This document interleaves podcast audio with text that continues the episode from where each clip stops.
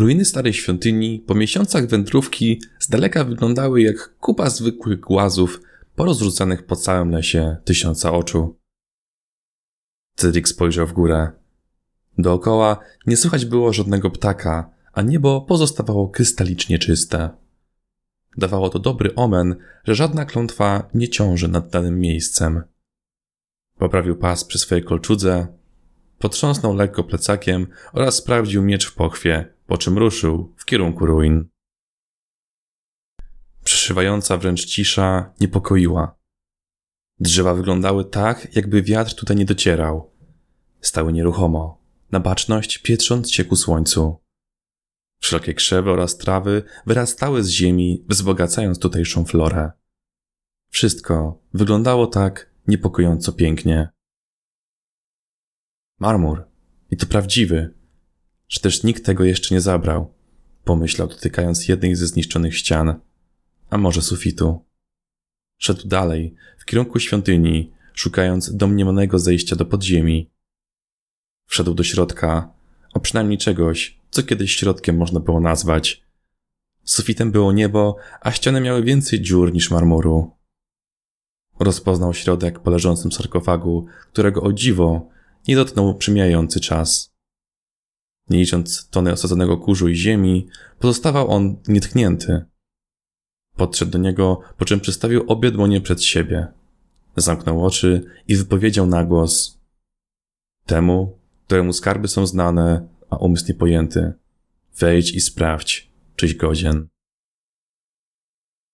W jednej chwili uruchomiła się cała machina usadowiona gdzieś głęboko pod ziemią. Sarkofag zadrżał, po czym został przesunięty na bok, odsłaniając schody prowadzące w głąb podziemnych ciemności. Pochodnie dookoła holu zapaliły się, zanim Cedric jeszcze postawił stopę na pierwszym stopniu. Zszedł w dół, zastanawiając się, czy te wszystkie legendy, jakie usłyszał w kaczmach, są prawdziwe. O piętrzącym się złocie, którego przez całe swe rozrzutne życie nie da się wydać, o wspaniałych, zaczarowanych księgach, mieszczących w sobie zaklęcia, spełniające każde życzenie, o cudownych przedmiotach, leczących każdą ranę i niszczących każdego wroga. Czuł, że jest blisko jego odnalezienia. Korytarz był niezwykle jasny przez zapalone pochodnie.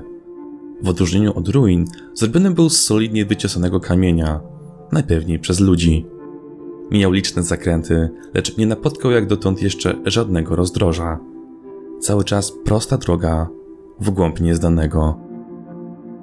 W końcu dotarł do komnaty ze spiralnymi schodami, prowadzącymi jeszcze bardziej w dół. Schody mimo upływu tylu lat dalej pozostawały w świetnej kondycji, zupełnie jakby były niewrażliwe na starzenie. Ostatni schodek prowadził do ostatniego, długiego korytarza, z którego wydobywało się jaskrawe, wręcz oślepiające światło. Cedric spuścił lekko głowę i zasłonił się ręką, aby nie oślepnąć. Szedł powoli w stronę światła, czując, że jest o krok od przełomowego odkrycia. Ciągłe lata szukania, aż tu w końcu ma szansę udowodnić wszystkim, że się mylili i że legenda jest prawdziwa. Ponad tysiąc dni podróży w śnieżycach, pustyniach, sztormach, aż tu w końcu cały wysiłek się opłaci. Serce waliło mu jak szalone. Gdy tylko przekroczył wejście do komnaty, światło opadło, jakby przeszedł przez zasłonę. Opuścił rękę. Widok, jakiego obarczył, był wręcz nieziemski. Prawdziwe, jasno migoczące góry złota, pełne diamentów, kielichów, szmaragdów, naszyjników, bransolet i wszystkiego co cenne. Z drugiej zaś strony były ułożone na wielką stertę księgi, najpewniej magiczne. Cedric krzyknął z radości. Do oczu napłynęły mu łzy szczęścia i cudowne uczucie zdjęcia z siebie ciężaru dumy. Już miał biec w kierunku skarbu, kiedy poczuł nagłe trzęsienie ziemi. Podłoga, ściany, Sufit oraz skarby zadrżały. Słychać było, jak coś ogromnego zbliża się w tym kierunku, lecz nie wiadomo było co. Cedric rozglądał się, próbując ustalić, skąd dochodzi anomalia. Spojrzał w górę i ujrzał ogromną dziurę, w której spokojnie dwie duże kaczmy by się zmieściły. Z tejże dziury właśnie wylądował z ogromnym hukiem wielki smok. Cedric spojrzał na niego niepewnie. Wyglądał naprawdę staro. Pomarszczone łuski, wystająca, lekko falowana broda, jak u mądrego starca, zmęczone, piwne oczy. Jego rozmiary zdecydowanie podyktowane były przymijającym wiekiem. Oboje patrzyli na siebie wzajemnie, lecz żaden z nich nie drgnął. W końcu smok przemówił. Po co tutaj przybyłeś? Zapytał dźwięcznie. Cedric nie odpowiedział od razu. Spojrzał smoku w oczy, które były nad wyraz spokojne. Legenda mówi, że za prastarym sarkofagiem w lecie tysiąca oczu znajduje się majątek gotów pomieścić. Bla, bla, bla. Przerował mu. Słyszałem to już zbyt wiele razy. Odpowiedz na moje pytanie. Jego głos pozostawał dalej spokojny. Przybyłem tutaj, aby te skarby ujrzały światło dzienne. Po co mają leczyć tutaj i się marnować? Mogą wyjść na wolność i raz na zawsze pokonać ubóstwo, wyrównać różnice społeczne, sprawić, że każdy będzie mógł wytworzyć własne szczęście. Smok spoglądał na niego niewzruszony. A ty? Kim jesteś? Kontynuował. Jakimś odwiecznym strażnikiem tego skarbu? Pilnującym go przed niegodnymi? Smok ani drgnął na słowa Cedrika. Nie ma znaczenia, kim jestem, ani jak się nazywam. Odparł. Mówisz, że przyszedłeś po te wszystkie skarby. Jak myślisz? Jak długo już tu są? Cedric oparł palce o podbródek i zamyślił się. Hmm, nie wiem. Jakieś setki tysięcy lat? Odpowiedział poważnie. Przed tobą było tylu śmiałków, począwszy od najznamienitszych władców, rycerzy, przypadkowych przybłędów, łowców skarbów, a skończywszy na biedakach, żebrakach czy bezdomnych. Nikt nigdy nie zdołał posiąść skarbu przy mojej warcie. To dlatego, że nikt nie mógł cię pokonać? Zapytał wzruszając ramionami. Smok obrócił głowę w stronę skarbu. Widzisz, przez te wszystkie wieki nie stoczyłem ani jednego pojedynku. Przemoc bojem jest zbędna. Ten skarb podda się tylko temu, kto na niego zasłuży. Jeśli zaś śmiałek użyje siły, Obrócił swą głowę w kierunku mężczyzny.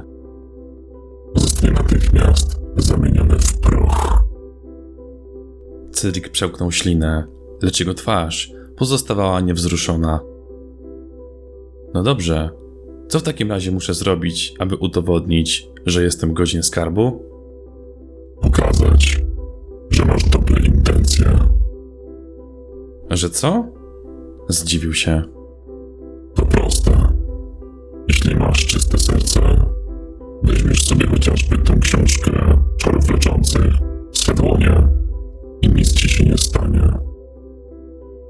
Co może się stać? Zapytał niepewnie. Smok uśmiechnął się lekko. Cedric rozejrzał się dokładnie dookoła siebie. Pod jego nogami wcale nie leżał kurz czy pył. To były prochy ludzi. Zawahał się. Jednocześnie zadał sobie pytanie: czym tak naprawdę są dobre intencje? Czy naprawdę wszyscy jego poprzednicy mieli złe intencje? No dobrze, mówisz o dobrych intencjach, a czym właściwie one są?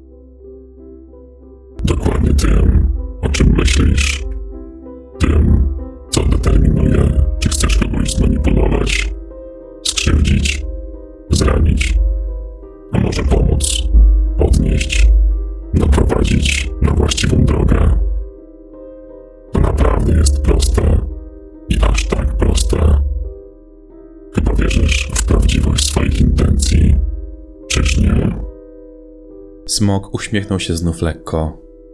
Cedric wyczuwał, że jest wystawiony na próbę. Równie dobrze jego poprzednicy mogli mieć dobre intencje, ale zostawali natychmiast zamieniani w proch przez niego. Podszedł pewnym krokiem w stronę ksiąg. Spojrzał na ich tytuły, jednakże nie mógł odszyfrować dziwnych znaków na okładce. Może to jest test, aby wybrać odpowiednią książkę, pomyślał. Cedric nie miał żadnych wskazówek, którą z nich wybrać. Ogarniał wzrokiem kolejne książki, aż w końcu jedna z nich przykuła jego uwagę. Nie wiedząc czemu, zatrzymał swój wzrok na niej. Czuł, jakby wsysała go do siebie od środka.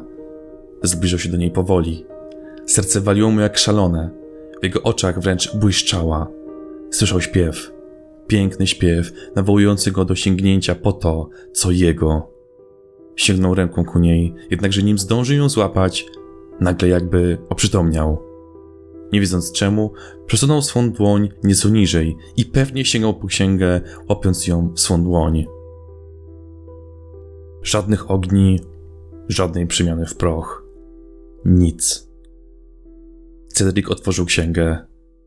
Zwykłe, białe kartki, na których po chwili zaczęły pojawiać się litery w dziwnym, aczkolwiek znajomym języku. Poczuł, że rozumie każde jedno słowo zawarte w tej księdze, mimo że nigdy wcześniej nie widział tego języka na oczy. Widział w niej czary uzdrawiające tyfus, rzeżączkę, kiłę i wiele innych groźnych chorób. Czuł, że jest w stanie zrobić to, co tak bardzo pragnął uzdrowić cywilizację od wszelkiego zła, jakim była otoczona. Smok spoglądał na całą sytuację ze spokojem. Brawo. Pokazałeś, że twoje intencje są czyste. Rzekł smok. Oparłeś się pokusie i sięgnąłeś po jedną z tysięcy pustych ksiąg, których zawartość wypełniona jest twoimi intencjami. Gdyby one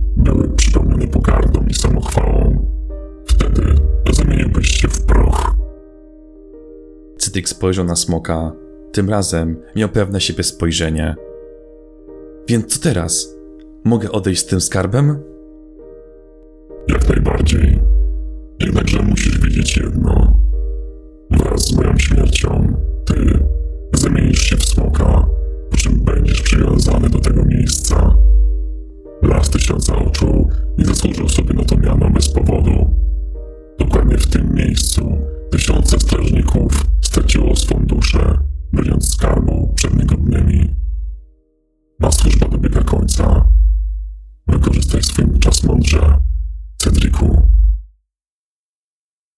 Smok styknął pazurami, po czym Cedric wraz z książką został przeteleportowany przed ruiny świątyni.